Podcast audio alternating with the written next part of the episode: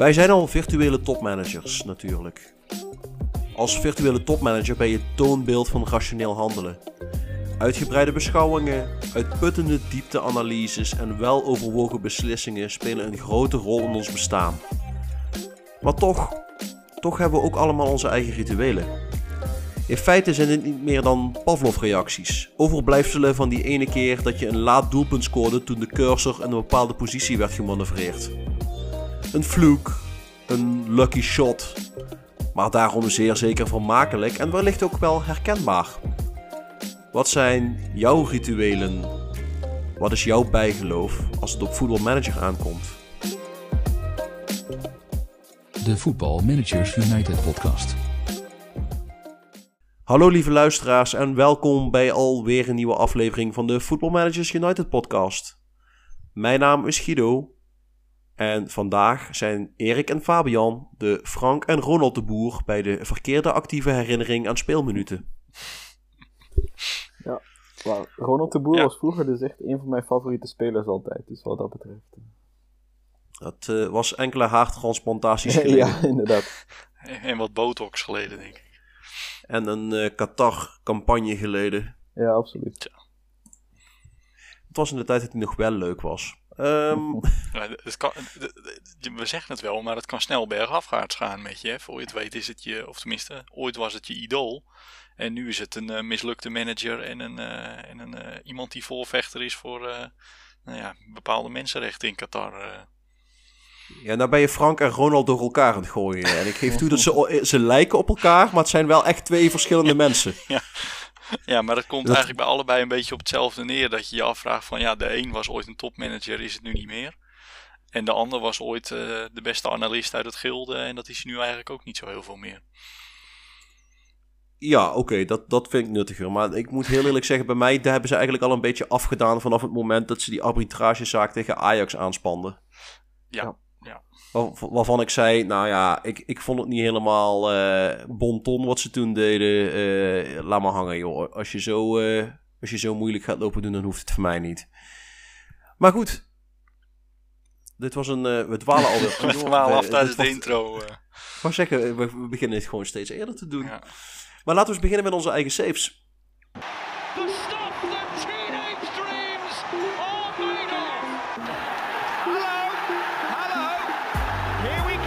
Onze eigen saves. En eh, ik ga eens een keer niet met OHL beginnen, want anders dan wordt dat dadelijk ook weer een, een, vast, eh, een vast ritueel wat we hebben. Eh, laten we dit keer eens beginnen met eh Varnameu Jazeker. en de Nee, jacht op het shirtje. nee, het shirtje is nog steeds niet binnen. Nee, nee, nee. Champions League, daar moeten we nog eventjes eh, wat beter ons best voor doen, denk ik. Nee, ik heb niet zo heel veel gespeeld in de competitie. Er was een interlandbreak, daar heb ik wel wat dingetjes mee gedaan. Dus ik dacht, misschien is het ook wel een keertje leuk om ja, gewoon eens wat meer over het nationale team te vertellen. Nu ik bondscoach van Zweden ben geworden. Eh, want toen ik erin stapte, toen was het EK net afgelopen. En toen begon dus de WK-kwalificatie. Eh, en daar loten we eigenlijk vrij gunstig. En dat komt omdat Zweden stond best wel hoog op de, op de wereldranglijst. Omdat ze in het WK van 2026 eh, eh, de finale hadden gespeeld. We waren bijna wereldkampioen. Eh, en Guido, misschien is dat leuk. Dan mag jij raden wie was de tegenstander in de WK-finale van 2026 voor Zweden. Oeh. En het is een team waarvan we nou, wel vaker hebben gezegd van dat is eigenlijk wel een verrassing dat die zo ver komen op WK's. Jamaica. Inderdaad, heel goed. In één keer goed. zeggen, maar Jamaica heeft die, eh, heeft die, die Koen Special factor. Dat zijn die, dat zijn die sprintkanonnen. Ja, precies. En aangezien deze MI on- ontzettend, ontzettend pro-snelle spelers is. En Jamaica vooral bestaat uit snelle spelers. Is dat inderdaad een team wat gewoon zomaar eens kan stunten. Wat cool. Ja, dat is echt bizar. En ja, zeker eh, wat dat betreft vind ik wel dat FM het knap heb gedaan. Wat ik, dan, wat ik dan zelf wel leuk vind, ook zeker in die periode, is dat ik dan soms ook gewoon een paar van die wedstrijden gewoon zit te kijken als ze op het WK spelen. Eh, dan woon ik die wedstrijd gewoon bij, terwijl ik helemaal geen manager ben. En wat mij opviel was dat de, nou ja, FM het wel heel goed weet te kopiëren hoe stug de Zweden in het echt zijn. Zo stug zijn ze ook op, in FM. Eh, want er kwam geen muisje door. Eh, maar uiteindelijk verloren ze dus die finale van Jamaica. The fuck? Ja, maar dat betekent dus wel dat we wel ja, eigenlijk wel wat punten te verdedigen hebben. Maar dat we ook dus een best goede eh, nou ja, plek hebben op de ranglijst, de wereldranglijst. Dus we loten uiteindelijk in een pool met Roemenië, Montenegro, Bosnië en Kazachstan. Ik dacht dat er eh, nou ja, meer Oostbloklanden kan niet, geloof ik. Te Ja. Dus, eh, dus nee, daar zijn we gestart. En we begonnen eigenlijk heel voortvarend. 4-0 gewonnen van Kazachstan. Eh, met een leuke selectie hebben we nog steeds. Wat oud-gedienden, wat nieuwe talentjes. Eh, en uiteraard wat spelers van Vernamo die ik eh, op kan roepen. Ehm, spelers die jullie denk ik nog wel kennen zijn misschien nou ja, sowieso Victor Lindelof bij, bij Ja. Menu. Die staat er als eh, 35-jarige nog steeds in. Simpelweg Oh, ook jongen. bij gebrek aan beter op dit moment. Eh eh, Ibrahim Drezevic van eh, Heerenveen. Die is eh, redelijk doorgegroeid in het spel. Dus die staat ook eh, op, de, op de lijst. Ik dacht dat het een Bosnier was. Nou, het zou, misschien dat hij wel een dubbele nationaliteit heeft. Maar eh, hij was in ieder geval Ja. eh, speelgerechtig toen ik, eh, toen ik aangesteld werd. Die heeft een dubbele nationaliteit. in. Ja. Ah, zie je nou. En eh tenslotte, nou ja, toch wel de, de, de, de troef op de taart, denk ik, is Alexander Isaac. Eh, die als eh, topspits eh, van wereldklasse nog steeds, eh, nou ja, nog steeds bij het Zweedse elftal zit. Dus eh, Is Slatan eh, eindelijk gestopt dan? ja, volgens mij wel. Ik heb hem wel eens voorbij zien komen als assistent manager, volgens mij. Eh, toen heb ik nog overwogen om hem aan te trekken, maar hij was zo slecht dat ik dacht van nou, sorry, maar het, gaat eigenlijk, het is eigenlijk slaat dan onwaardig om die man nog een baan aan te bieden. Scherm. Laat het maar niet horen. Nee, nee, precies. Ik zag toevallig van de week een foto dat hij met de paus eh, op de foto stond. Ja, die paus dan toch goed geregeld. eh. Ja, precies. Mag je gewoon met Slatan op de foto. Ja. De vertegenwoordiger van God op aarde. Dat is toch knap, zeker.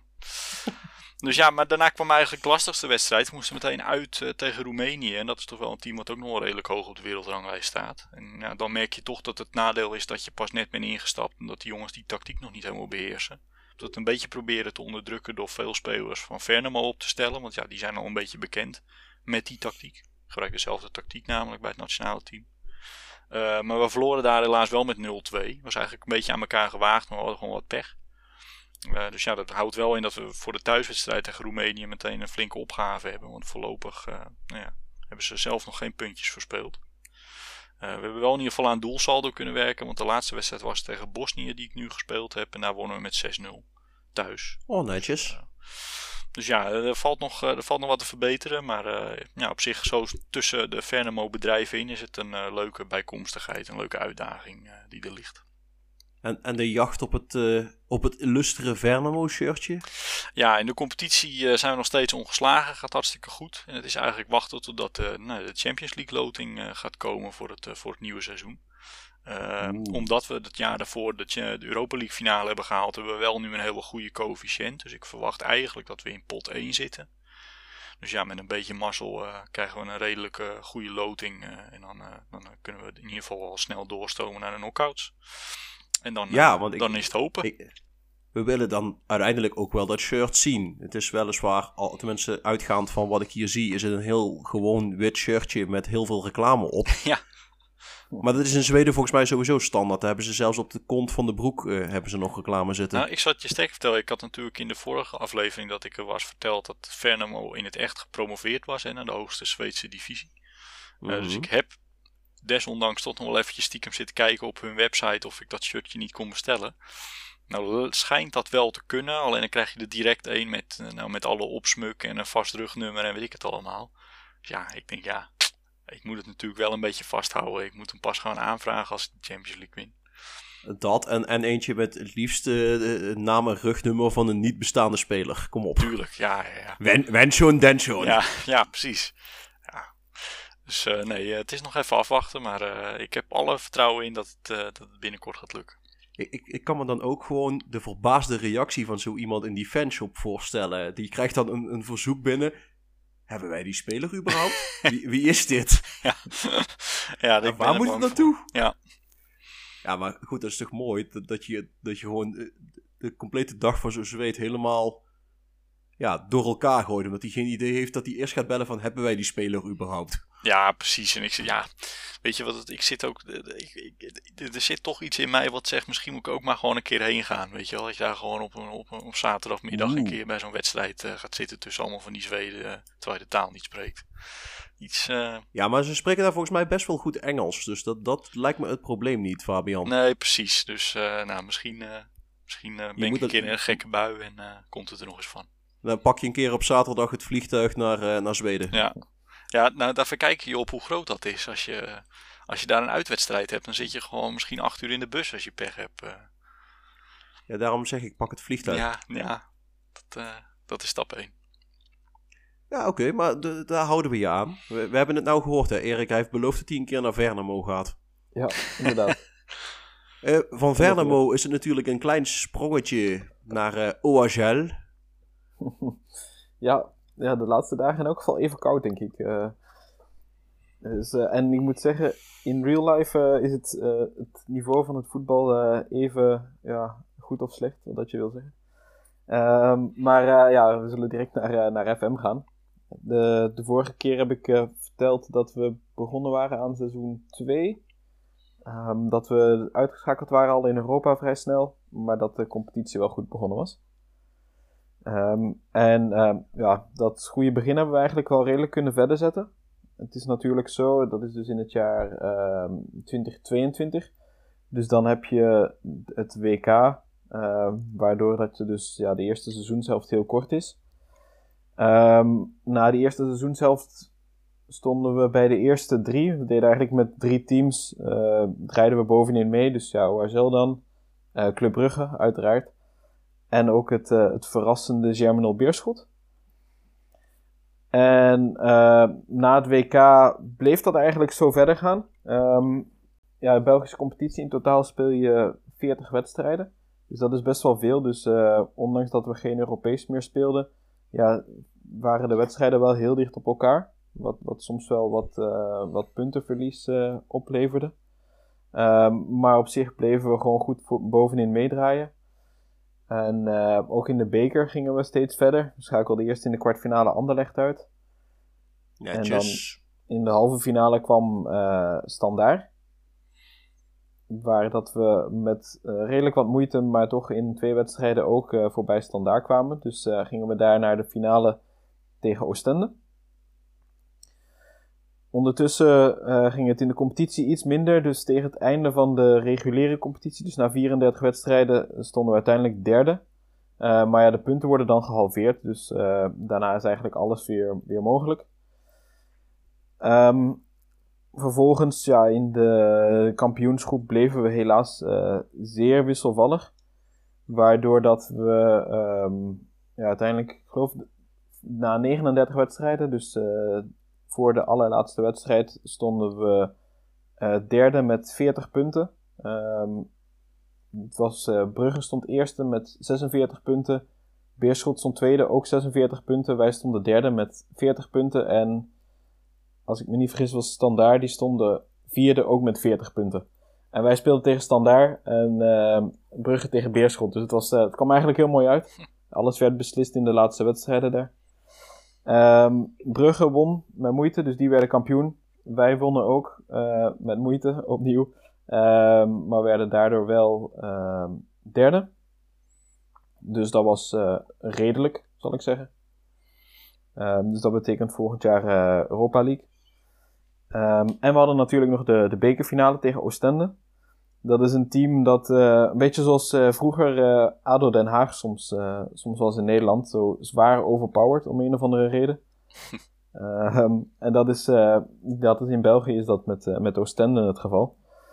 Maar eh, eigenlijk ging de, de bekerfinale ging heel vlot. Eh, we wonnen heel makkelijk. Dus eh, hadden we direct eh, mijn eerste, eerste echte prijs binnen. Oeh, gefeliciteerd. Nice, ja. Yes. Dat viel goed mee. Dat smaakt naar meer, neem ik aan. Absoluut. Ehm, we zaten wel nog altijd, dat is eh, ja, een foutje in, van de databasemakers. Eh, die zijn blijkbaar niet op de hoogte dat er heel veel geld eh, zit achter Orgel. Dus het team zit zwaar in de schulden en hebben allemaal ehm, openstaande schulden. Dus de Uh, financiële situatie blijft heel moeilijk. Um, gelukkig heb ik, of ja, gelukkig, um, ik had een uh, Erik Botheim uh, gratis kunnen aantrekken. Best een, een goede Noorse spits. Um, maar ja, de enige manier dat ik hem kon aantrekken was met een, een clausule in zijn contract dat hij mocht vertrekken voor iets meer dan 7 miljoen. En hij kreeg zelf ook nog eens 20% van het transferbedrag. Uh, en ja, er was uh, op het eind van het jaar uh, waren er vier clubs die daaraan wilden voldoen.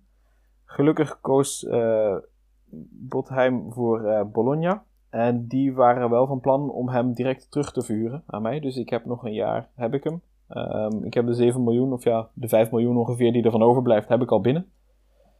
Um, en dat in combinatie met nog een andere verkoop van 5 miljoen staan we nu voor het eerst net boven nul. Dus dat is ook al, uh, dat is ook al mooi meegenomen. Kijk. Kijk. En je krijgt nu waarschijnlijk ook nog wat inkomsten van de Europa League. Dat helpt ook mee. Ja, dus dan kun je in een ander segment helpen. van de markt gaan vissen. uh, ja, ik heb uh, voor het eerst geld uitgegeven ook aan een speler nu. Um, ik had een region gevonden bij een, een amateurclub in België. Waar dat ik, ja, ja, sorry, sorry. Uh, maar uh, ja, dus ik, heb, uh, ik deed een bod van 7000 euro. maar na veel onderhandelen is het uiteindelijk 10.000 euro geworden dat ik ervoor heb betaald. Wow, zo. dus er zijn spelers die verdienen dat gewoon in een week, hè? ja, in de, zelfs bij mij in het team zit er eentje die dat ongeveer verdient per week. Maar ja, ik heb dus voor het eerst een, een transferbudget, ja, mijn transferbudget moeten aanspreken. Mr. Big Spender daar. Nou, nou. Absoluut. absoluut. Ja, want Erik, ben, ben jij nou een speler die zeg maar, als hij dan van die grote transferbedragen vangt en er staat wat op de balans, eh, heb je dan zoiets, investeer je dat liever in spelers of investeer jij dat liever in bijvoorbeeld in jeugdaccommodatie? Ja, het eerste wat ik heb gedaan is uh, inderdaad dus de jeugd. Uh, ik heb een nieuw trainingscomplex laten bouwen, een nieuw uh, jeugdcomplex en de jeugdscouting uitgebreid. Ja, precies. Dus dat is bij mij bijna altijd het, het eerste waar het geld naartoe gaat. Ja netjes. Ja, uh, als we dan van OHL wat verder naar het oosten toe gaan, dan kom je in Kiev terecht. En als je nog verder naar het oosten gaat, kom je in Jakarta terecht. Klein verschil. Um, en dan kom je bij mijn avonturen uit. Nou, de Dynamo Kiev, het zal jullie niet als een enorme verrassing in de oren klinken dat dat uh, crescendo gaat, zowel in de competitie als Europees. Dus daar wil ik eigenlijk gewoon niet te lang bij stil blijven staan. Waarom? Omdat dat saai is. Eh, niemand zit hier om te luisteren naar hoe ik overwinningen aan elkaar rijg. Dus dat is niet leuk. Nee, jullie willen drama. Precies. En dat kan ik ook leveren.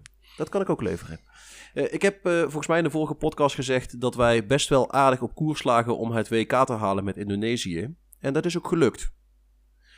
Uh, Indonesië heeft zich geplaatst voor het WK van 2026 met een ploeg vol gemankeerde eredivisiespelers en redelijk tot redelijke tot misschien zelfs wel talentvolle keukenkampioen-divisiespelers en een paar verdwaalde lokale talenten. Daar zit voor mij dan ook de uitdaging in. Ik heb met Dynamo Kiev er ook wat geld tegen aangegooid door wat uh, van de betere Indonesische talenten op te kopen. Met het idee dat ze zich bij mij beter doorontwikkelen dan wanneer ze in de eigen competitie blijven spelen. En ik verhuur ze dan weer aan andere clubs met het idee van, nou ja, geld zal ik er wel niet voor vangen, maar het is wel een aardige manier om de nationale ploeg wat uh, vooruit te helpen. Ik, uh, ik heb ook de onder, de, uh, onder 23 en de onder 19 erbij genomen inmiddels. Omdat ik denk, nou ja, als we dan toch bezig zijn, dan ga ik ook gewoon de hele nationale ploeg met het hele ontwikkeltraject op, onder mijn hoede nemen. En ook dat gaat redelijk goed. Met de onder 19's niet altijd even denderen, omdat ik met name moeite heb met het vinden van een keeper die groter is dan een meter 70. Um, ja, nou lach je. Uh, maar mensen die uh, Kostas Lamproe af en toe zien keepen, die weten dat de pain real is. mensen in Zwolle, ik voel jullie pijn. Ik voel jullie pijn. Want dan heb je die, uh, dan heb je die kaboutertjes die van de lijn afkomen. En ja, als er een klein beetje een fatsoenlijke spits staat, dan is het net alsof ze, zeg maar... hebben jullie toevallig kleine neefjes of nichtjes? jazeker.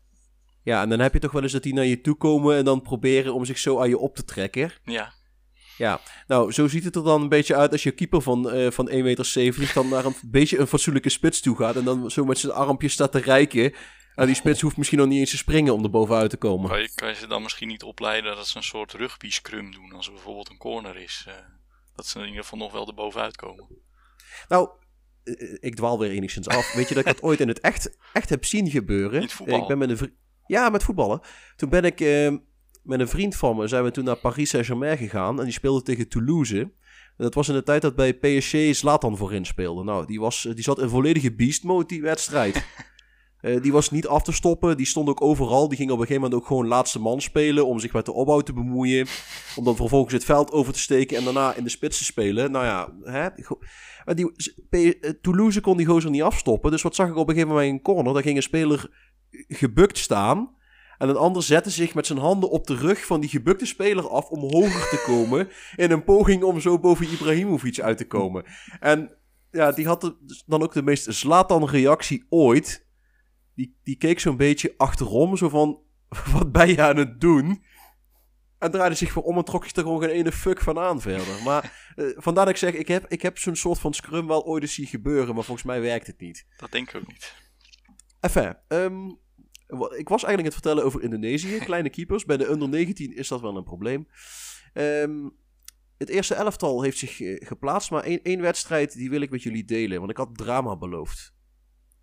En dit is het verhaal over hoe je een 3-0 voorsprong kunt verneuken in een epos vol grandioze fouten, magnifieke vergissingen en misplaatste illusies van de grandeur.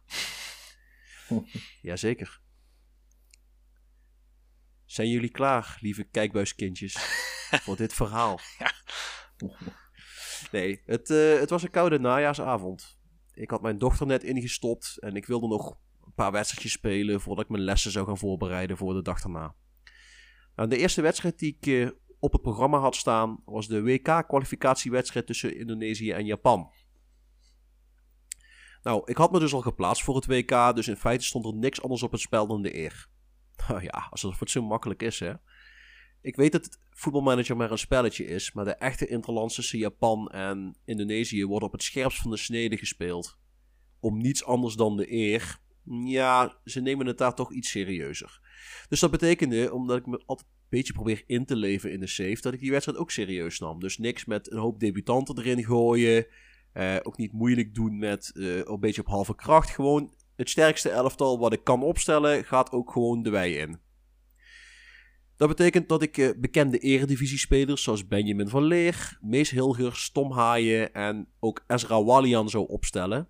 Met de grote vedette van Indonesië, Elken Baggett.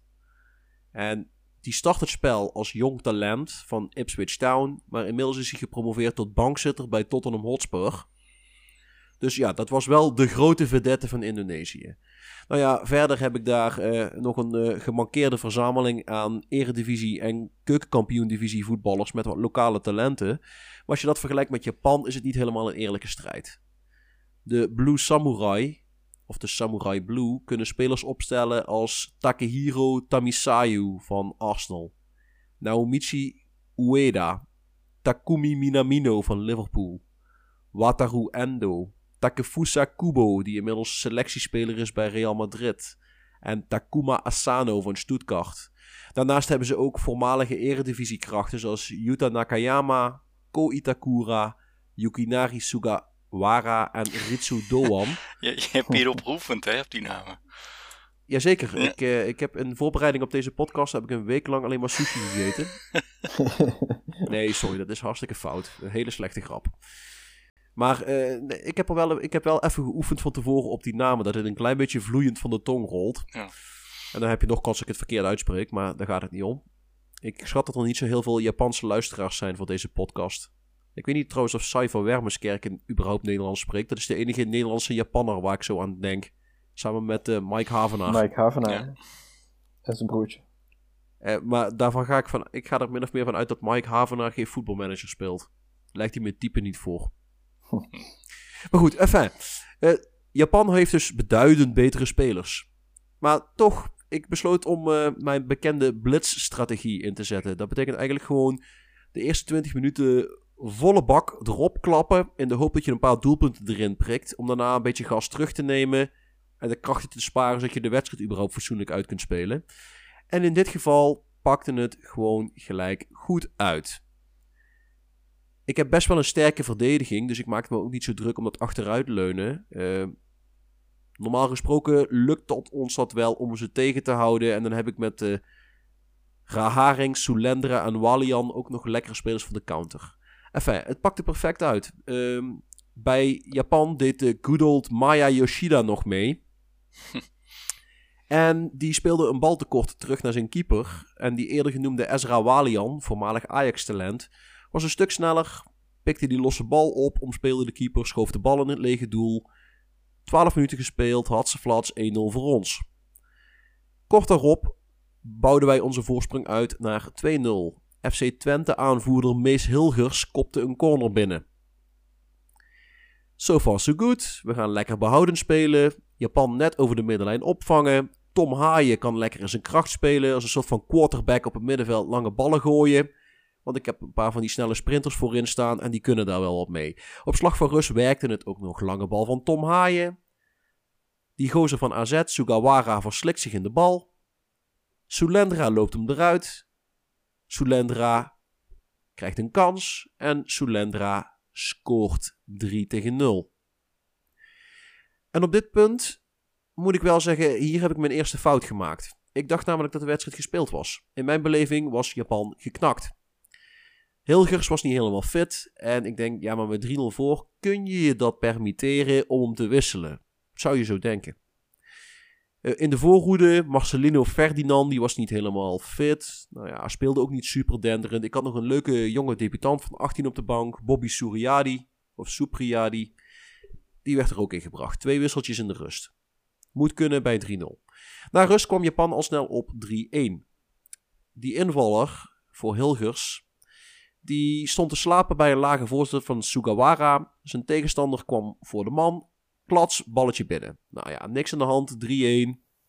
Gewoon je eigen spelletje blijven spelen. Japan probeerde er wel een wedstrijd van te maken. Maar ja, eigenlijk kregen ze geen kansen. Je kent dat dan wel, hè? Dan zie je ze wel in de highlights, zie je iedere keer aanvallen. Maar er komt nooit echt een, een, een eindproduct. Ja, een of ander vaag afstandsschat van 30 meter. Nou ja, dat was hier eigenlijk ook. De beste kansen waren zelfs voor ons in de counter. Walian, Gaharing, Sulendra, lekker snel.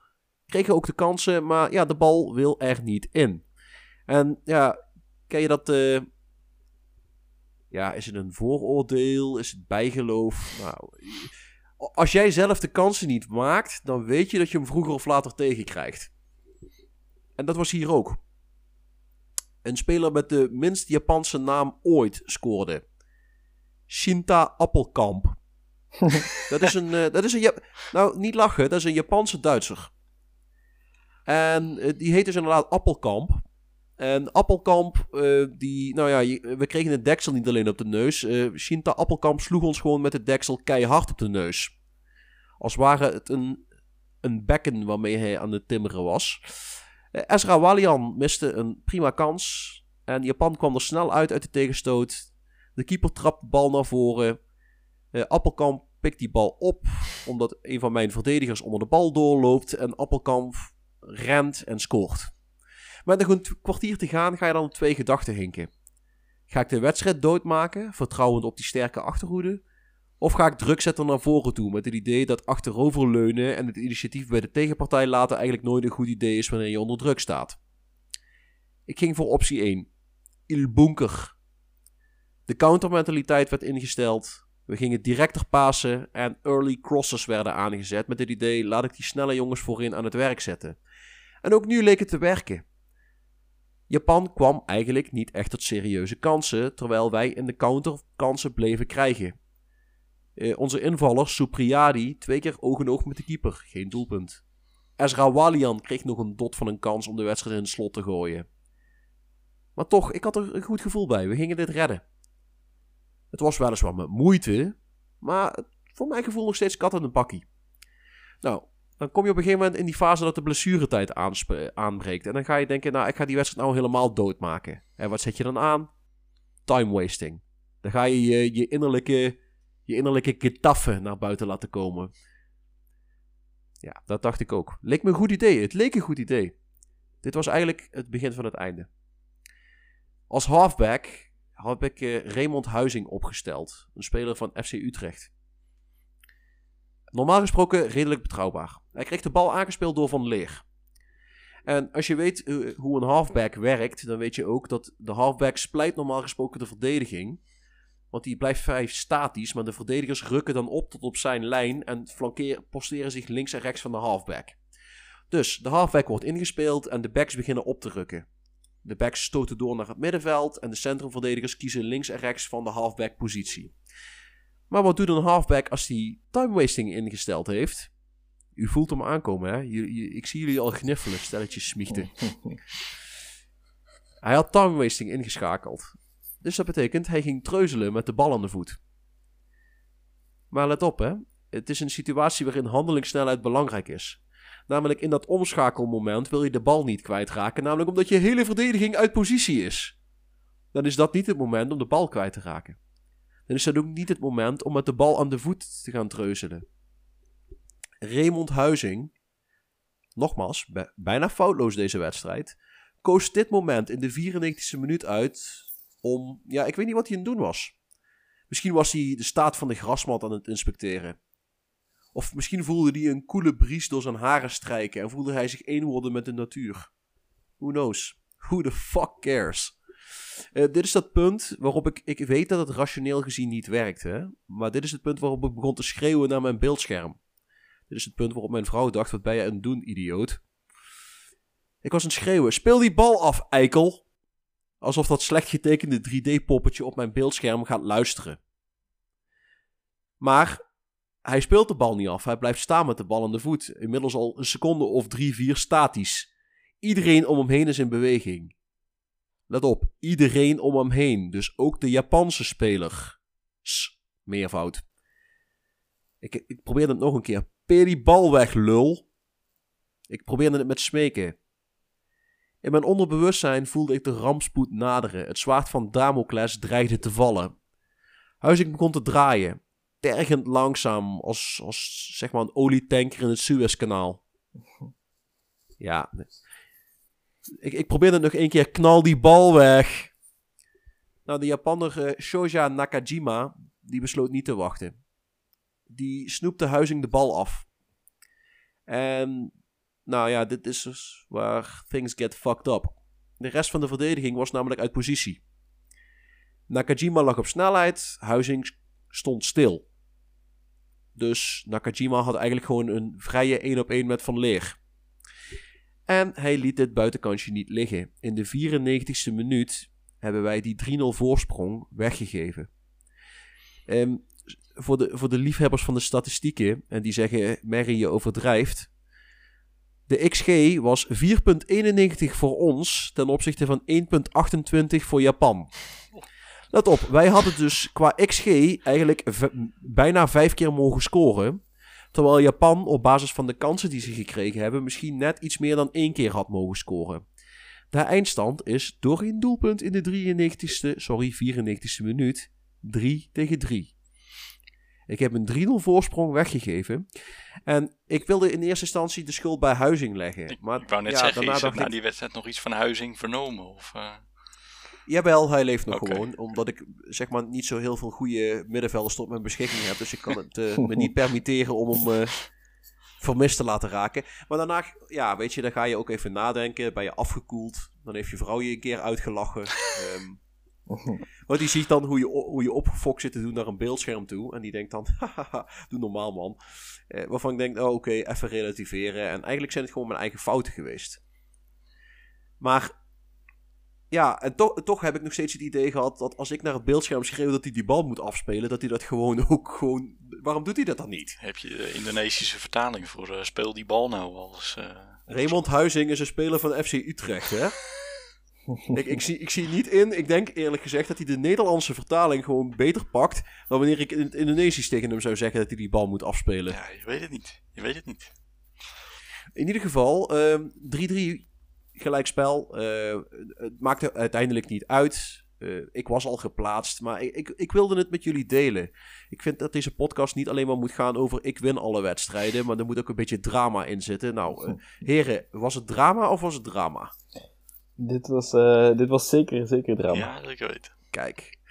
Het, ik denk dat het trouwens ook een, een, mooi, een mooi bruggetje is naar het thema van deze podcast. Want we gingen het hebben over onze rituelen en ons bijgeloof.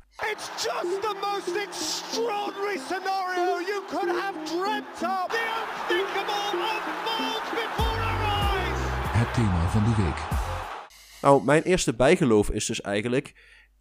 Ik heb de neiging om in dit soort kritieke situaties naar het beeldscherm te schreeuwen. Alsof die poppetjes op het scherm mij ook gewoon kunnen horen. Ik, ik, rationeel gezien weet ik dat het niet zo werkt. Maar het voelt af en toe wel gewoon goed om tegen dat beeldscherm te schelden of te vloeken. Maar hebben jullie ook van die, eh, van die typische bijgeloofdingetjes of, of, of tics die jullie hebben? Ja, ja, tics zijn er sowieso wel. Ehm, zeker bij belangrijke doelpunten, dan, eh, dan durf ik alles eh, met een vuistje zo even de lucht in te gaan. Dus, dus dat is er zeker. Eh, roepen naar het beeldscherm heb ik nog niet gedaan, eh, moet ik zeggen. Dat is, er, dat is nog niet gebeurd. De- eh, ik denk dat een, een vuistje in de lucht is nog vrij mild, hè, Erik? Ja, ik moet zeggen, want ik ben ook, eh, ik ben ook in het echt ook trainer geweest. En daar was ik ook eh, eerder rustig eh, langs de kant. Eh, dan was het enkel soms de, de scheidsrechter die het moest ontgelden. Maar verder eh, ben ik daar ook altijd vrij rustig langs de kant. Dus eh, ja, dat, dat neem ik mee naar voetbalmanager. Jee. Dus eh, eigenlijk voor het thema van deze week maakt. Maar, maar eh, dat, nou, saai is het niet. Maar kom op, joh. Je, heb je geen, geen smeuïge verhalen dat de Oh. rustige Erik een keer uit zijn slof geschoten is? Eh, eh, nee, dat, dat valt wel mee. Ik heb wel veel, veel bijgeloof en, en rare tics. Maar het zijn allemaal vrij rustige dingen.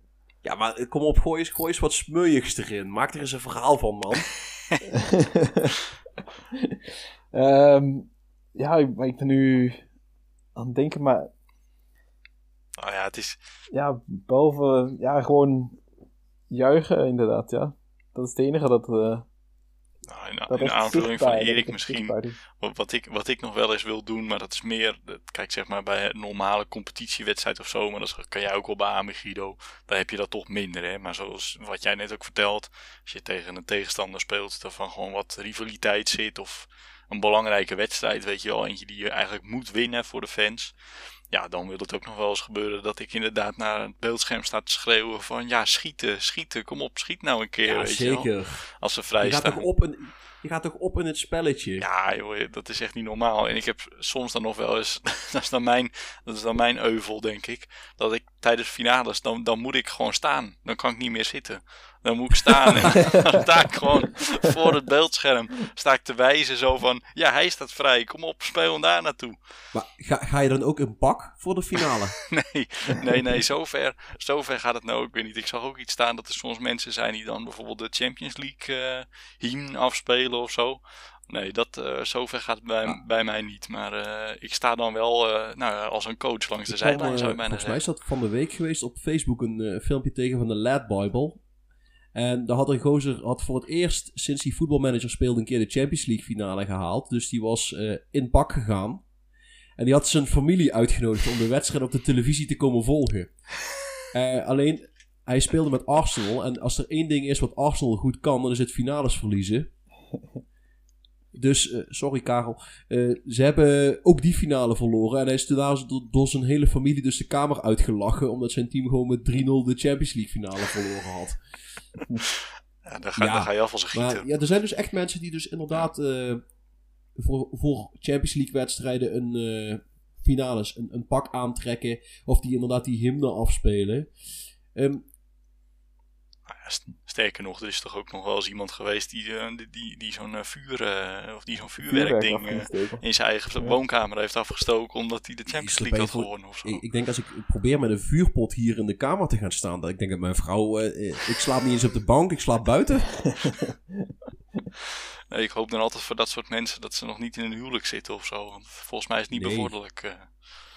Ik heb ook, eh, ik heb ook al eens een foto gezien van iemand en die eh, was eh, tijdens zijn, eh, of ja, op zijn huwelijksdag, ehm, ja, eigenlijk tijdens de ceremonie Oh, tussendoor. die eh, die filmpjes zie je vaker. En ook van mensen die tijdens de bevalling gewoon. eh, vo voetbalmanager aan hebben staan. ik denk, nou, volgens mij is dat een vraag om een echtscheiding, als je getrouwd bent.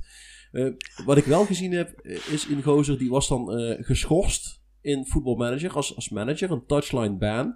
Had hij dus een, een keukentrapje neergezet. En was hij op dat keukentrapje gaan zitten in plaats van dat hij in zijn bureaustoel was gaan zitten. Dus dan zat hij als het ware achter zijn bureaustoel naar het scherm te kijken. Net alsof hij op de tribune zat en dus niet op zijn managerstoel kon zitten. Ja, dat vind ik, dat, nee, dat, vind ik dat, dat moet je toch next level uitvoeren. Dan moet je gewoon iemand inderdaad uit huis trekken. Zet je je vrouw gewoon voor de computer. En dan ga je gewoon klassiek, zoals Ronald Koeman dat ook altijd doet. Uh, ga je op de ereloge zitten en dan uh, ga je gewoon je vrouw ja, bellen als hoe, hoe bezig is het dan als blijkt dat zij het gewoon beter doet dan jij? ja, nee. Ik, ik weet, ik dan weet heb je niks meer of te dat vertellen thuis. voor je ego. Um, dan moet ik wel zeggen, uh, nee. Een van de dingetjes die ik vroeger deed, en dan heb ik het wel over een jaar of 15, 16 geleden, was dat ik dan er altijd in geloofde als, uh, als de cursor niet precies in het scorebord stond bij het vakje waar mijn doelpunten zouden moeten, scoren, moeten komen, dan zouden wij geen doelpunt scoren. Um, ja, maar dat, dat zeg je nou wel, maar mijn cursor mag dus absoluut niet op tekst of, of andere dingen staan. Hè? Die moet altijd rechts onderin, vlak boven het balbezitbalkje. Ja, kijk, maar dat, dat zijn denk ik wel, dat zijn wel rituelen waar iedereen zich wat meer... Erik, zeg niet dat je dit ook al niet doet. Wel, jawel. Um, bij mij is het, um, ja, waar dat vroeger, waar had je de tekstbalkjes en dan moest het rechtsboven in het tekstbalkje.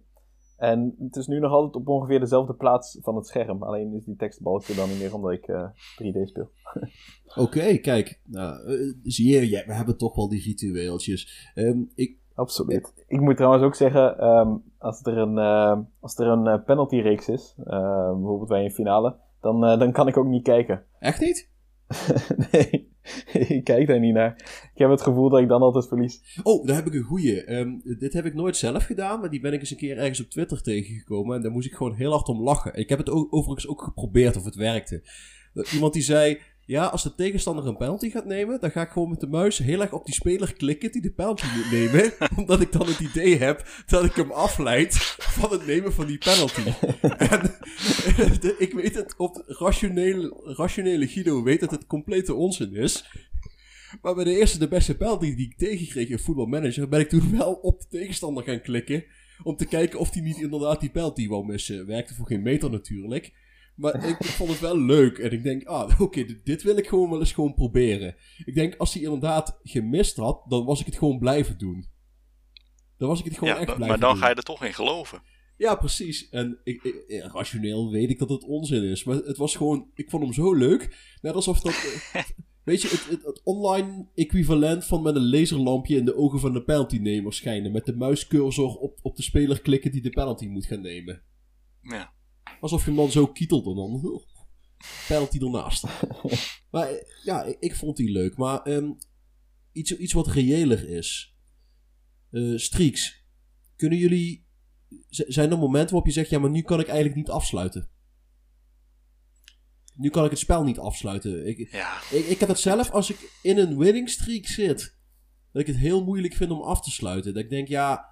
Ja, maar ik, ik, zit, ik ben nou lekker bezig. Ik kan nou niet afsluiten. Ik kan nou niet afsluiten. Want dan, dan, dan beëindig ik de streak.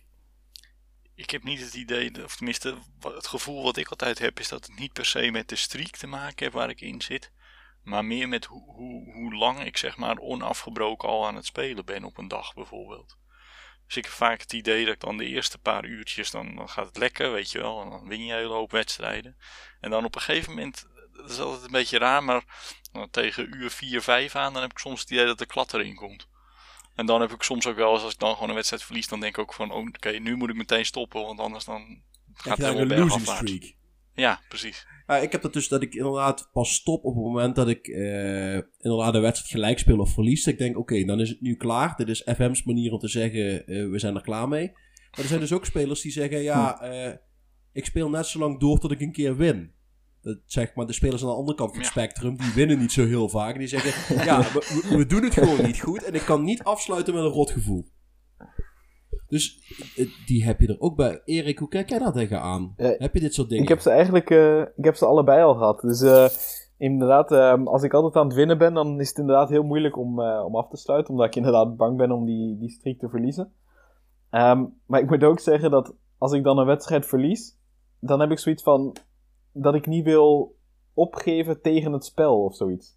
Waardoor dat ik zoiets van heb van, ik ga niet gelijk afsluiten na een nederlaag. Dat vind ik ook zo'n beetje opgeven. Dus dan wil ik eerst weer een keer winnen. Maar ja, dan, ja, op die manier kun je oneindig blijven Ja, spelen weet ik. En natuurlijk. voordat je het weet is het dan vijf uur s'nachts. En dan denk je, ja, weet je, ik moet om zeven uur toch alweer opstaan. Die, die twee uur maken het weer verschil ook niet meer.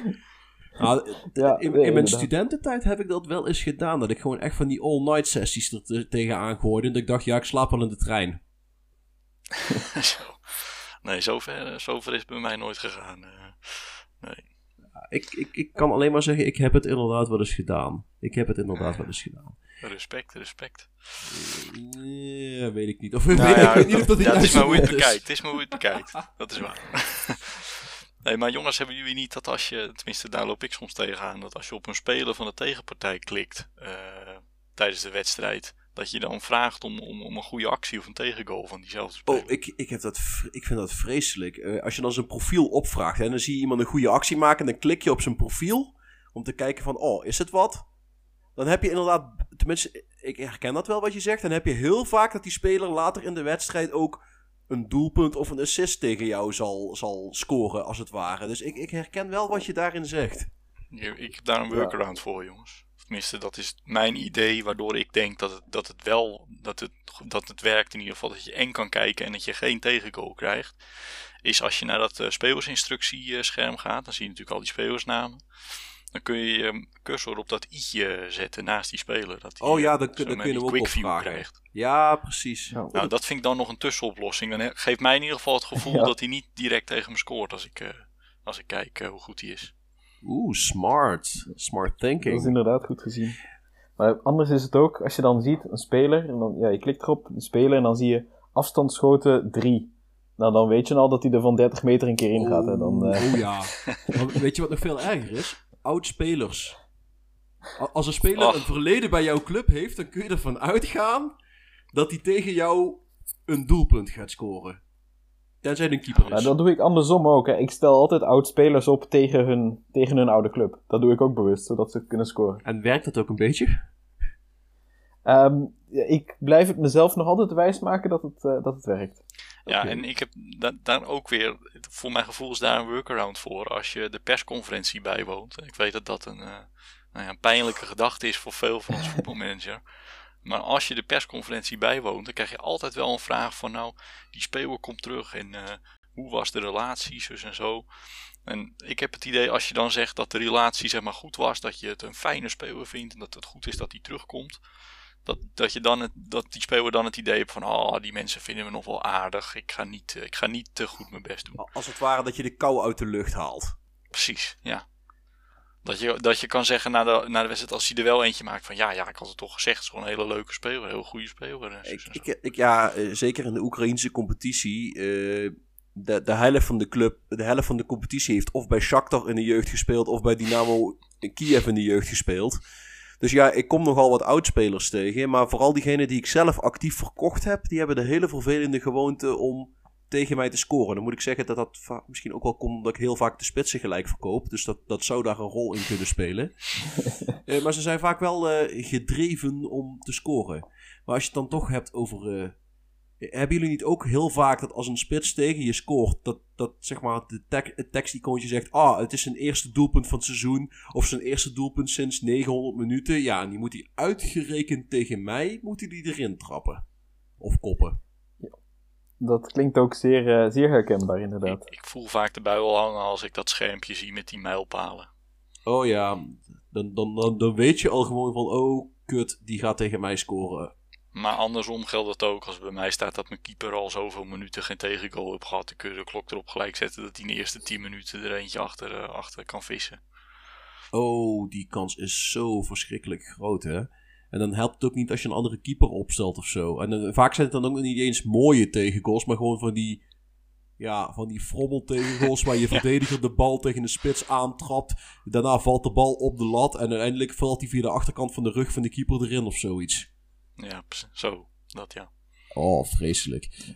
Erik, ik, ik ga je nou een vraag stellen. Eh, dit valt onder, ook onder bijgeloof en rituelen. Heb je vaste rugnummers? Uh, een beetje wel, ja. Um, ik, ik, ik, let er toch altijd wel op dat het, uh, dat het enigszins logisch is. Dus inderdaad, nummer 1 voor de keeper, uh, 2 tot en met 5 voor de verdedigers en zo verder. En soms ga ik ook wel zover dat ook de meer reservespelers, dus bijvoorbeeld de reserve rechtsbuiten, dat die krijgt dan nummer 17.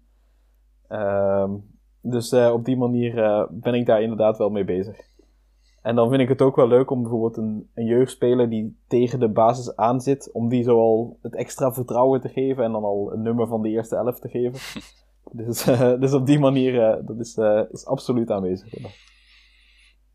Ja, kijk. ik, ik, ben zelf, ik ben zelf niet zo bezig met de rugnummers. Ik, Vind jij bijvoorbeeld niet... dat heb ik bijvoorbeeld. Ik, bij mij zit altijd best wel op de, op de wisselkeepers die, die mogen bij mij alleen rugnummer 1, 21 of iets boven de 30 en niks eronder. Nee, mijn, mijn reservekeeper heeft eigenlijk altijd nummer 13. Ja, ja dat zou ook nog kunnen, ja. Ja. Mijn, mijn reservekeeper heeft eigenlijk altijd nummer 13. Als ik hem het veld in moet brengen, dan is dat eigenlijk gewoon dikke pech. En ja, bij, da, daar hoort nummer 13 bij bij mij. Het enige nummer wat ik eigenlijk nooit uitreik is nummer 12. Want ik vind, de, de fans zijn de twaalfde man. En dat, dat nummer hoort niet naar een speler toe te gaan. Maar voor de rest eh, eh, boeien mij die rugnummers niet zoveel. Ik heb ooit een keer een, uh, een omgetrainde verdedigende middenvelder gehad. Die bij mij als libero speelde. En ja, die had een, een voorkeur voor nummer 10. En ik deed altijd gewoon auto-assign. Dus ik had gewoon een verdediger die met nummer 10 speelde. En ik, ik heb een vriend, die is een beetje OCD. Als het op zijn rugnummers aankomt, die flipte hem de pan uit. Dat wil je niet weten. En je kunt geen verdediger met 10 hebben. dat kan, die, zeg maar, eh, de Windows foutmeldingsscherpje achter zijn ogen stapelde zich op. Die kreeg, die kreeg een complete meltdown.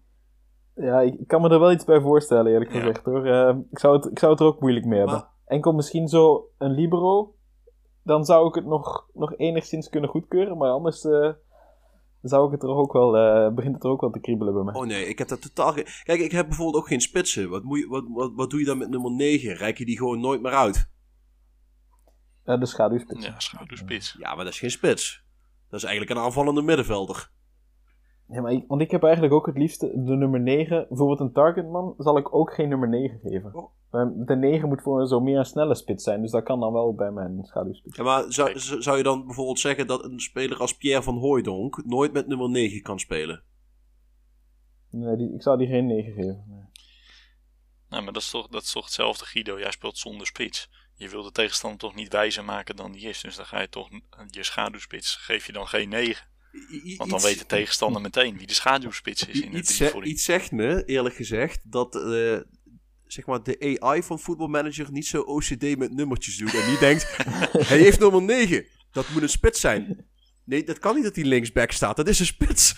Nou, weet, je, weet je niet. Dat weet je niet. Uh, ik, ik, ik, ik, wil, ik vind het de moeite van proberen. Als een speler zo een, een, een favoriet nummer heeft, geef je hem dan wel zijn favoriete nummer? Eh, ik doe het meestal auto-assign met die rugnummers. Dus inderdaad, meestal komt het dan wel zo uit dat als een eerste elftal speler is, dan krijgt hij vaak ook dat nummer. En volgens mij is het zo dat bij een gelijke stand, uh, of bij, uh, als er twee spelers zijn die hetzelfde nummer willen, dat degene met de hoogste reputatie zijn zin krijgt. Waarvan ik denk, nou ja, het is eigenlijk best wel reëel met hoe het in het echt gaat. Uh, Af en toe krijg je dan van die rare constructies. Wat was dat bij Inter ooit? Waar uh, Zamorano met 9 plus 1 speelde. Omdat uh, Ronaldo per se nummer 9 wilde hebben.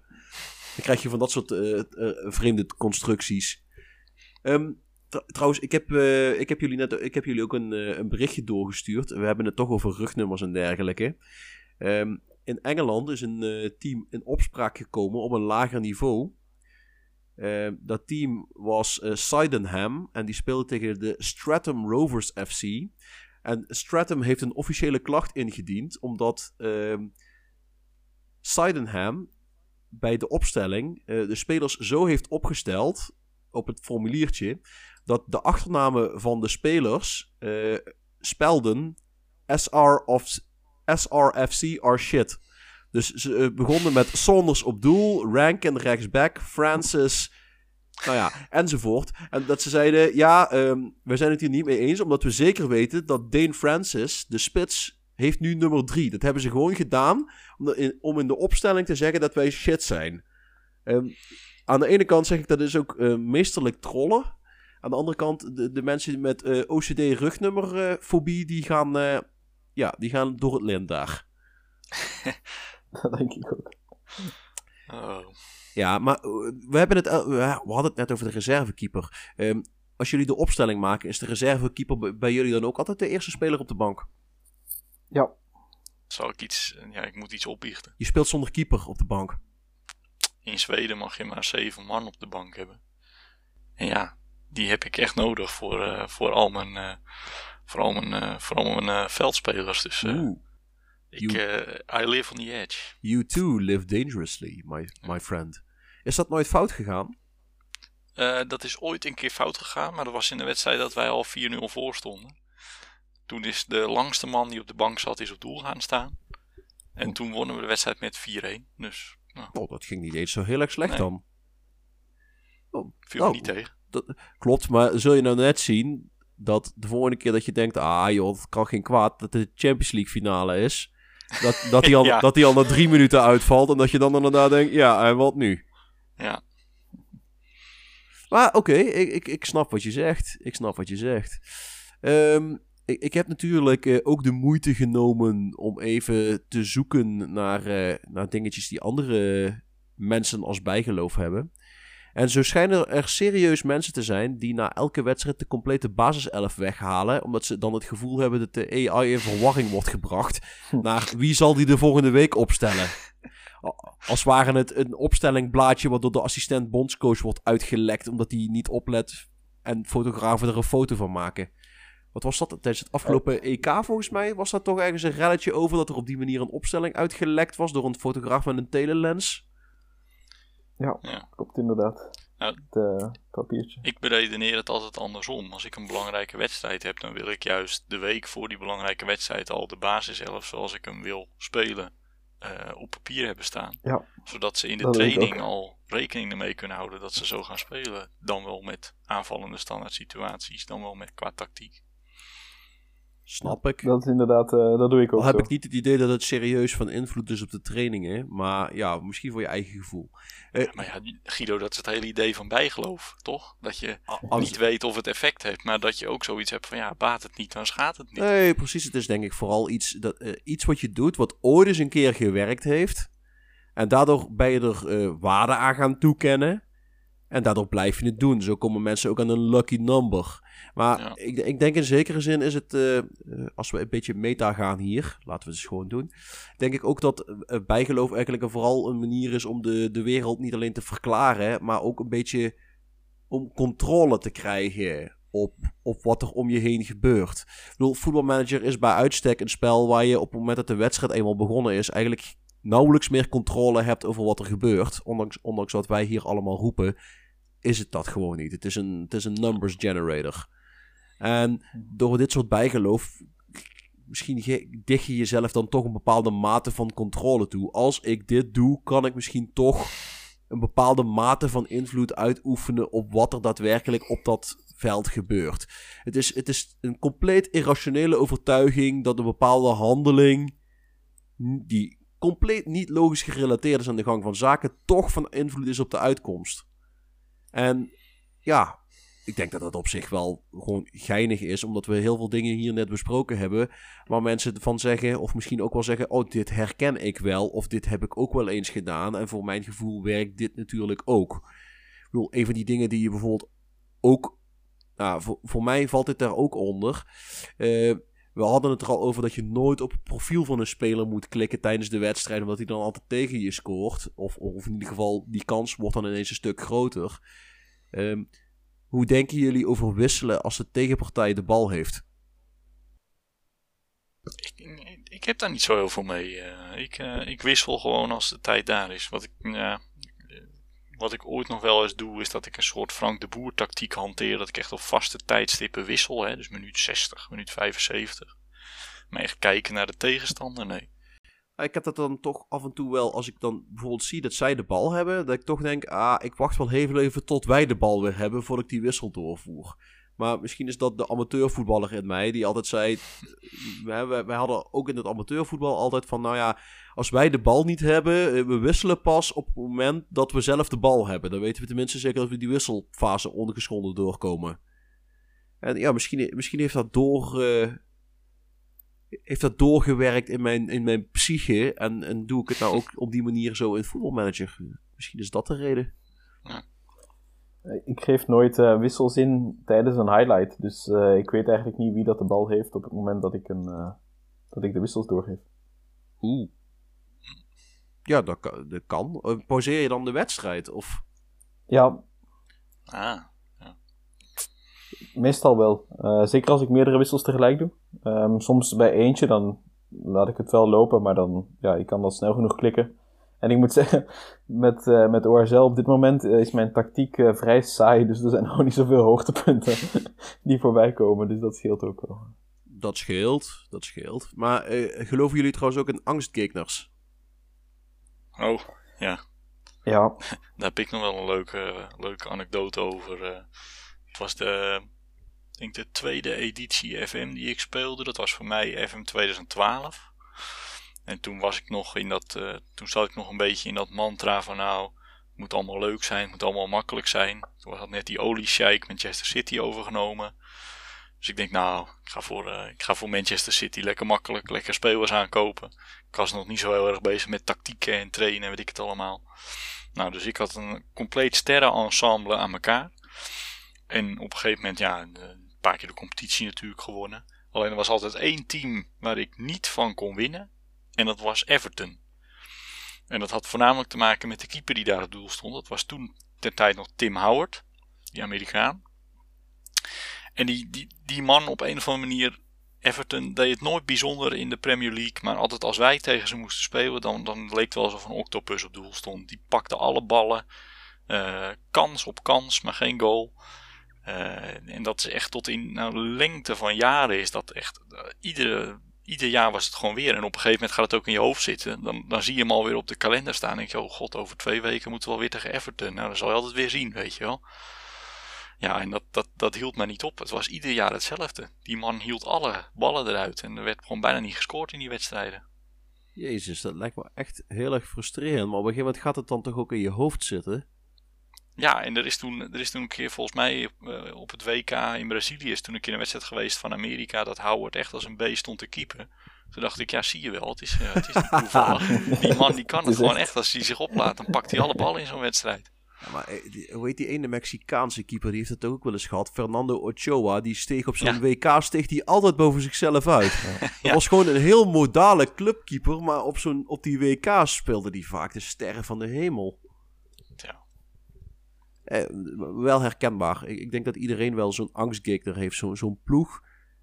Waarvan je, waar, waar je eigenlijk gewoon nooit lekker tegen speelt. Je weet gewoon van, bijna van tevoren al van... We gaan hier punten tegen laten liggen. En dan niet zeggen... Ja, mijn angstkeker is Bayern München. Want wat- die zijn best Nee. wel goed. Nee, de, de pure angstgekner is eigenlijk een team waarvan je zou moeten winnen, of makkelijk van zou moeten winnen, maar dat het maar niet lukt. Ja, bij, mij in, eh, in mijn huidige save... eh, in de competitie is dat eh, Zorya Luhansk. Eh, ook wel bekend Ah. van eh Europa Cup wedstrijden tegen Feyenoord.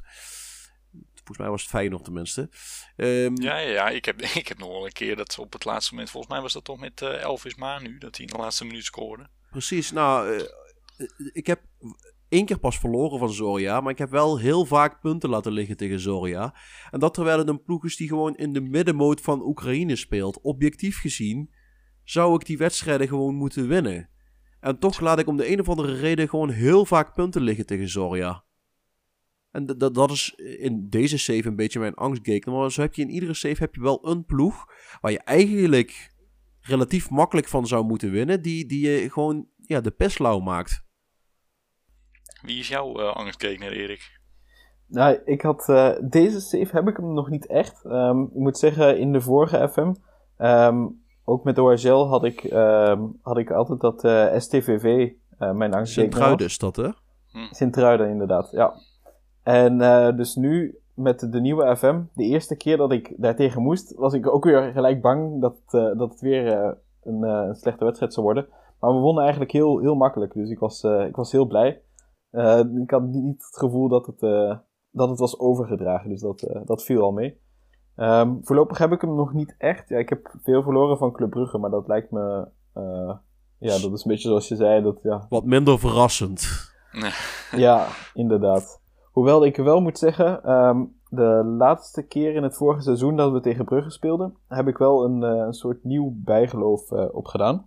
Ehm, we hebben het er al eens eerder over gehad. Wat ik, eh, wat ik soms doe, jij ook, denk ik, Guido, is eh, de week voor een, een wedstrijd tegen een, een sterke tegenstander dat je ehm, extra traint op het verdedigen van corners. Absoluut. Ehm, daar ben ik dus mee gestopt sinds kort. Eh, ik, we speelden dus tegen Brugge. We hadden daar netjes op getraind. Ehm, het was eh, ongeveer halverwege de competitie, denk ik, na 16 wedstrijden. En we hadden pas twee tegendoelpunten op corners gehad. Dus op zich was daar ook niet echt een probleem. Ja, zoals gezegd, ik had er extra op getraind. De wedstrijd begint tegen Brugge. Ik had eh, veel vertrouwen. Na vier minuten krijgen we een corner tegen. Hij gaat naar de eerste paal. Pats. En eh, de ketelaar kopt hem binnen. 0-1 voor eh, Club Brugge. Eén minuut later maken we zelf al gelijk. Mooi doelpunt van Levi Smans. Na 31 minuten opnieuw een corner voor Club Brugge. Deze keer naar de tweede paal. Ehm, is het Balanta die hem binnenkopt. dus mijn tweede tegendoelpunt al. En eh, nog geen 10 minuten later een, eh, opnieuw een corner voor Club Brugge. Deze keer midden voor de goal. En is het, eh, het was Jack Henry die hem binnenkopt. Dus ja, binnen 40 minuten drie tegendoelpunten uit een corner. Jezus. Terwijl dat we daar extra op geoefend hadden. Dus sindsdien ben ik daarmee gestopt. Ja, dat snap ik dan op zich ook nog wel. Maar voor die wedstrijd heeft het in ieder geval niet gewerkt, nee. Nee, dat was, eh, dat was heel duidelijk. De volgende wedstrijd tegen Brugge, want ja, die komen dan vrij snel op elkaar in die kampioensgroep. Heb ik er dus bewust niet op getraind en hebben we geen enkel tegendoelpunt gehad. Ik blijf erbij, het is een fluke, tenzij je zeg maar over meer dan anekdotisch bewijs beschikt dat het eh, niet zou werken. Nee, voorlopig eh, nog niet. Dus eh, Ah, oké. De, de, geen wetenschappelijke inborst, ik merk het al. ik ga het in elk geval blijven opvolgen. Hey, absoluut blijven doen. Maar eh, ik denk dat we daar, eh, ja, angstgegners dus, eh, als, als, als onderwerpje ook min of meer mee hebben afgetikt. Ik denk dat we zo een, een heel mooi lijstje gemaakt hebben aan de verschillende bijgeloven, rituelen, et cetera, die mensen kunnen hebben als het gaat om voetbalmanager. Oh, wacht, deze, deze moeten we niet vergeten. Ehm, hebben jullie dat niet ook altijd, dat als eh, in de tijd dat jullie nog thuis woonden, als dan je vader of je moeder of eh, een broertje of zusje wat je had je kamer binnenkwam, terwijl je een wedstrijd aan het spelen was, dat je dan automatisch bijna altijd een tegendoelpunt kreeg. Ja. En dat je dan ook gewoon echt boos was op, op diegene die binnenkwam van jij bent dit schuld, Absoluut. jij hebt dit gedaan. Oh, ja, oh, oh. inderdaad. Ik, ik roep niet tegen mijn scherm, maar inderdaad, ik, roep, ik riep vroeger wel tegen mijn ouders eh, als die eh, de kamer waren. Waarom verpest je mijn finale? Ik ga, gewoon- ga gewoon weg. Waarop, Ja. mijn, waarop mijn moeder gewoon zei: Ja, bekijk het maar. Dan krijg je gewoon geen onderbroeken komende week. Oké, oh nee, ja, die mag je wel in de kast komen leggen. Nee, ik heb, dat is een andere kant van de medaille. Ik heb toen dat ik die, eh, dat ik die Europa League finale verloor met Fernamo. Toen was ik echt wel eventjes, eh daar baalde ik echt flink van. Dus toen- vlak daarna gingen we ook eten, dus ik kwam beneden. En toen werd er ook gevraagd van, ja, waarom kijk je zo boos? Ja, ik heb net de Europa League finale verloren. ja, dat, dat, dat begrijpen ze niet. Nee, dat, eh, They dat will, gaat er niet in. they will never understand our nee, pain. nee, nee. Nee, maar goed. eh, ook, ik, ik, ik ik bedacht deze net spontaan, want deze stond niet in ons script. Daar, daar dacht ik ineens spontaan aan van, oh wacht, dit is wel iets wat ik vroeger altijd deed. Eh, tegenwoordig niet, want ik speel tegenwoordig FM gewoon in de woonkamer. En ik vind het wel overdreven om tegen de rest van het gezin te zeggen, ja, dan gaan jullie maar ergens anders zitten. Ehm, dus tegenwoordig laat ik het achterwege. Maar ik denk dat ik in dat opzicht misschien iets meer een casual gamer geworden ben ten opzichte van vroeger. Toen, ging ik echt helemaal in zo'n wedstrijd zitten. Nou is het af en toe ook nog wel eens zo dat ik die wedstrijd gewoon aanzet. En dan op een gegeven moment denk ik, ja, ik ga even wat anders doen. En ik kijk dadelijk wel wat het inmiddels staat. Gaat trouwens best goed als je met een club als Dynamo Kiev speelt. Waarvan je van tevoren min of meer toch al zeker bent dat je de helft van de wedstrijden wint. Enfin, ik denk dat we het, eh, het thema daarmee eh, best wel mooi behandeld hebben. We hebben allerlei vormen van bijgeloof besproken. Zijn zelfs een klein beetje meta gegaan door aan te geven van, nou, waar, waar komt het nou vandaan? Al die rituelen en waarom doen we dat eigenlijk? Dan rest ons nog de club en de speler van de week. En wie van de beide heren durft de speler van de week voor zijn rekening te nemen? What is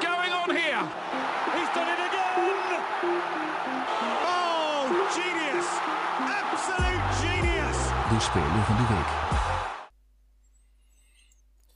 Ik wil, het, eh, ik wil het wel doen, hoewel dat het geen heel makkelijke naam is om uit te spreken. Ehm, maar eh, als speler van de week, eh, Andreas Schelderoep. Oeh. Zal denk ik het beste in de buurt komen als, als uitspraak. Ehm, ja, een, een heel leuk spelertje. Ehm, hij speelt bij uh, Nurtjeland. En, maar hij is niet van Afrikaanse afkomst. En ook niet van Deense afkomst. Wat toch eh, voor de meeste talenten daar het geval is. Eh, maar het is eigenlijk een, eh, een Noorse speler. Absoluut. Het is een lekkere kleine dribbelkont. Inderdaad. Linksbuiten, eh, 17 jaar. Nou, daar word je toch wel warm van als voetbalmanager. best wel compleet ook nog. Eh, Voor zijn ja, leeftijd. behalve dan inderdaad zijn lengte. Ehm, mentaal ook al wel sterk voor zijn leeftijd. Dus eh, ja, hij, hij is wel al ehm, wat bekender, redelijke reputatie. Dus eh, zijn vraagprijs is ook, eh, is ook wel navenant. Maar eh, ja, ik denk wel een, eh, een prima spelertje om erbij te hebben. Absoluut. Erik, als je, als je Shelderroep al een moeilijke naam vond, hè? Fabian, zullen we voor de volgende keer gewoon een echt, echt een moeilijke naam gaan zoeken voor Erik? Nou, jij zegt dat. Ik zat toevallig, maar die naam kan ik wel opzoeken.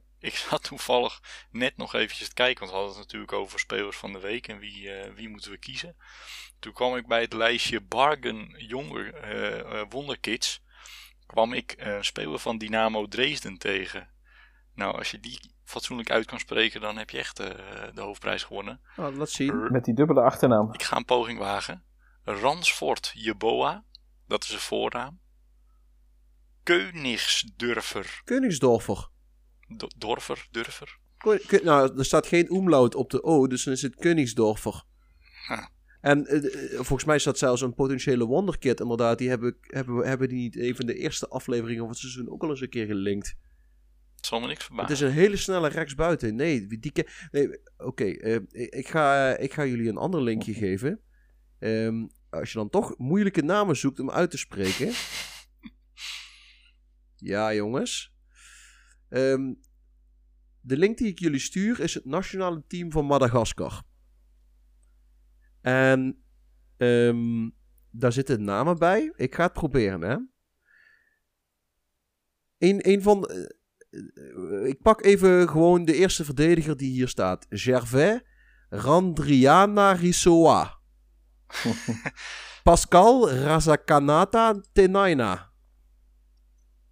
Ik wil de topscorer wel proberen. Go. Vaneva, Ima Andriatsima, Paulin Foavi. Dat bedoel ik. Arnaud Rand... Ja, nou... eh, precies, dat, dat, dat, zijn, dat zijn moeilijke namen, Erik. Kom op, Shelderroep. Dat valt dan nog redelijk mee, hoor. Ja, nee, dat is waar. Er zitten trouwens verrassend veel bekende namen bij eh, Madagaskar, eh, moet ik wel zeggen. Ik wist zelfs niet dat die een nationaal voetbalteam hadden. En nu zie ik daar eh ja, je, weet dat het, Eli Mahatra. je weet dat het ook een echt land is, hè? La Niet Poussin. alleen een animatiefilm. Absoluut, ja. Maar er, zi- er zitten volgens Maar- mij inderdaad wel wat spelers bij die ook in de Belgische competitie actief zijn. ja. ja, dat verbaast me. Dus ja, kijk. eh, eh, de Football Managers United podcast verlegt je horizon. Niet alleen op het gebied van voetbalmanager, ook op het gebied van cultuur en andere aanverwante zaken. Enfin, eh, dat was de speler van de week. Dus dat was niet een of andere vage speler uit Madagaskar, maar dat was gewoon Andreas Scheldegroep van FC Noord-Sjælland. We hebben natuurlijk ook een, eh, een club van de week. En onze club van de week komt uit Polen. Brilliant! Just brilliant! He gave that the works. Oh, what about that? What about that? De club van de week. Onze club van de week is eh, sterker nog de regerend landskampioen van Polen, Legia Warschau. Ja, maar Guido, dat is toch niet leuk dan? Nou, dat vinden wij dus wel. Anders hadden we het niet gedaan. Eh, namelijk in real life staat de regerend landskampioen van Polen, Legia Warschau, laatste. In de Poolse Ekstraza Liga. Guido, is die ploeg dan failliet gegaan? Nee. Ze zijn gewoon heel erg slecht aan het seizoen begonnen. Eh, daarna kwamen er Europese wedstrijden en hebben ze zich gefocust op verder komen in Europa. Dat ging dan weer ten koste van de competitieresultaten. Nou liggen ze uit Europa en zijn de competitieresultaten nog steeds kak. Ehm, afgelopen weekend hebben ze weer verloren. Toen, eh, nou, mensen die eh, wel eens van eh, supportersfilmpjes houden, die kennen de Poolse ultra's als zijnde, die jongens zijn hardcore. Als in, die staan met min 15, staan ze nog in blote bast in het stadion te, te, te schreeuwen, met vuurwerk te gooien en te dansen. Die hebben de bus opgewacht. En dat ging niet zo lekker. Maar de ploeg is inmiddels als regerend kampioen ook al zo ver afgegleden dat ze verloren hebben van het weekend. En dat de tegenstander gewoon dacht: ah, we kunnen best een jongen van 17 in de basis zetten. Als debutant, centraal op het middenveld. Zo slecht is Legia Warschau op het moment bezig. Nou, waarom zou je ze dan toch kunnen pakken? Nou, om te beginnen om te bewijzen dat jij het beter kan. Ten tweede, omdat de Poolse competitie een beetje een ondergeschoven kindje is in uh, voetbalmanager. Ik ken maar heel weinig mensen die er uh, die zeggen, ah, ik ga een Polen managen. Uh, vervolgens ook wel, omdat er dus wel hele fanatieke supporters zijn. En deze ploeg heeft wel een aantal bekendere spelers onder contract staan. zo is de keeper van Legia Warschau is een oude bekende. Hij is oud en hij is bekend. Artur Boruc. Onder andere bekend van zijn tijd bij Celtic. Uh, volgens mij ook in de Premier League actief geweest. Bij, ik dacht dat Southampton was. Bij Bournemouth ook. Bij Bournemouth. Nou, uh, Fiorentina heeft hij onder andere gespeeld. Uh, hij is 41. En... Heeft zijn, heeft zijn pensioen ook al aangekondigd? Precies, maar hij maakt dit seizoen nog af. Ja. Um, andere spelers. Uh, ze hebben trouwens een speler die uh, in Nederland actief is geweest. Uh, namelijk een rechtsback met een AZ-verleden. Daar weet ik alles van. Matthias Johansson. Ja. andere spelers die wij wellicht kennen. Hier, als je. Ehm, ja, je had net al moeite met Shelderoep. ja, nou, dan gaan we je ook gaan we testen. Hier, probeer deze eens uit te spreken. Wacht hoor, want ik moet hem even openen. Arthur Jedricek. Wacht even, Sheldergroep vond je moeilijk, maar Arthur Jedricek, dat rolt gewoon zo van zijn tong. Ik snap het niet meer. Volgens mij is, hij gewoon, ja. volgens mij is Erik gewoon niet, uh, niet, niet helemaal eerlijk. Heet hij, heet hij eigenlijk niet uh, Erik, maar ik weet niet wat hem... heet hij eigenlijk Piotr of zo? Wat, wat is de Poolse versie van Erik? Ja, daar was ik eigenlijk ook mee denken. Erik met een Griekse I en CK. E Erikski. Precies. Maar, uh, nee, daarnaast hebben ze natuurlijk uh, Arthur Jedrzejczyk is ook een uh, voormalig international. Matthias Johansson staat er onder contract. Ze hebben... Thomas Peckard. Thomas Peckard staat er onder contract. Lirim Castrati voor de mensen die van snel en rechtsbuitens houden. Oftewel, er staan best wel wat leuke spelers onder contract. Het is een ploeg die veel beter zou moeten kunnen dan wat ze op het moment in real life laten zien. Uh, als regerend kampioen ben je ook actief in Europa. Maar aan de andere kant, het is een, uh, het is een ploeg die het in Europa moeilijk zal krijgen met deze spelers. Het is geen, het, is geen ploeg waar je in het eerste seizoen zo even de Europa Cup mee pakt. Maar het is wel een ploeg die in potentie misschien over een jaar of vier dat wel zou moeten kunnen. Dus uh, onze club van de week, Legia Warschau, laat maar zien dat jij het beter kan dan, dan de manager die er op dit moment gezeten heeft. nou om het dan af te sluiten, want we zitten toch nog een beetje in de categorie moeilijke namen. Uh, wie wil een poging wagen om het stadion van Legia Warschau uh, uit te spreken? Oh jezus, uh, moet ik wel heel even kijken hoe dat ding überhaupt heet, want dat weet ik niet uit mijn hoofd. ik zie het hier inderdaad staan. Is het, is het heel erg? Ja, wacht maar, ik stuur het wel in de chat. Ik, eh, Stadion, ja. ik, ik, Miski im Marshalla Josefa Pilsudski. Ja, nee, het gaat niet lukken. Oké, nou, dan ben ik wel. Stadion Mijeski i Marchalka Jozefa Pilsudskiego. Ja, Dat komt zeker Maar in de buurt. eh, eh, mijn, mijn tip zou eigenlijk vooral zijn. Volgens mij eh, rollen dit soort woorden gewoon makkelijker van de tong. Als je eerst eh wodka, Slivovic of een andere sterke alcoholische drank gedronken hebt. maar ik heb dat trouwens ook bij bepaalde whisky soorten. Eh, sommige van die namen die kun je vooral uitspreken als je zeg maar de helft van de fles leeg getrokken hebt. Dan, dan rollen de namen als Broegladdig ineens een stuk makkelijker van de tong. ja, scheelt toch. Absoluut. Eh, dat gezegd hebbende, want ik zie dat wij ook alweer een uur en twintig minuten onderweg zijn. Lieve luisteraars, bedankt dat jullie dus al gewoon 80 minuten naar ons gezever en gezwets hebben geluisterd. Mochten wij een foutje hebben gemaakt, rectificeer ons alsjeblieft. We hebben jullie feedback nodig om beter te worden en wij willen graag beter worden. We weten dat jullie inmiddels met 5 à 600 mensen per week gewoon naar ons luisteren. Maar we willen dat er nog meer worden. En dat kan alleen maar als we ons proberen te verbeteren. Die waardevolle feedback kun je met ons delen door een mailtje te sturen naar podcast.manunited.nl Of je komt onze DM's binnengegleden op Twitter. Daar luisteren we ook gewoon naar. Vergeet niet om op die subscribe-knop te duwen, zodat je elke woensdag een notificatie krijgt wanneer we weer een nieuwe aflevering droppen lieve luisteraars, en voordat wij het vergeten, tijdens de kerstperiode, dus tussen kerst en oud en nieuw, komt er geen nieuwe podcast uit. Want geloof het of niet, wij hebben ook gewoon een gezin. We hebben ook gewoon een leven. En dat betekent gewoon dat we in die tijd even bezig zijn met andere zaken dan voetbalmanager en deze podcast. In het nieuwe jaar, in 2022, komen wij weer gewoon met nieuwe content. Nogmaals bedankt voor het luisteren. Voetbal Managers United podcast.